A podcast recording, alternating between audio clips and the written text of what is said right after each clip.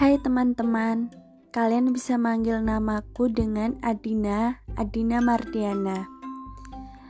Aku akan mengisi podcast ini dengan puisi-puisi, cerita-cerita, dan tentang kehidupan sehari-hari aku.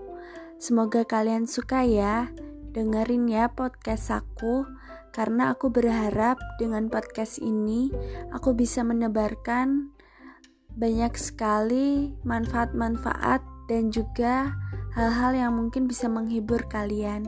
Makasih.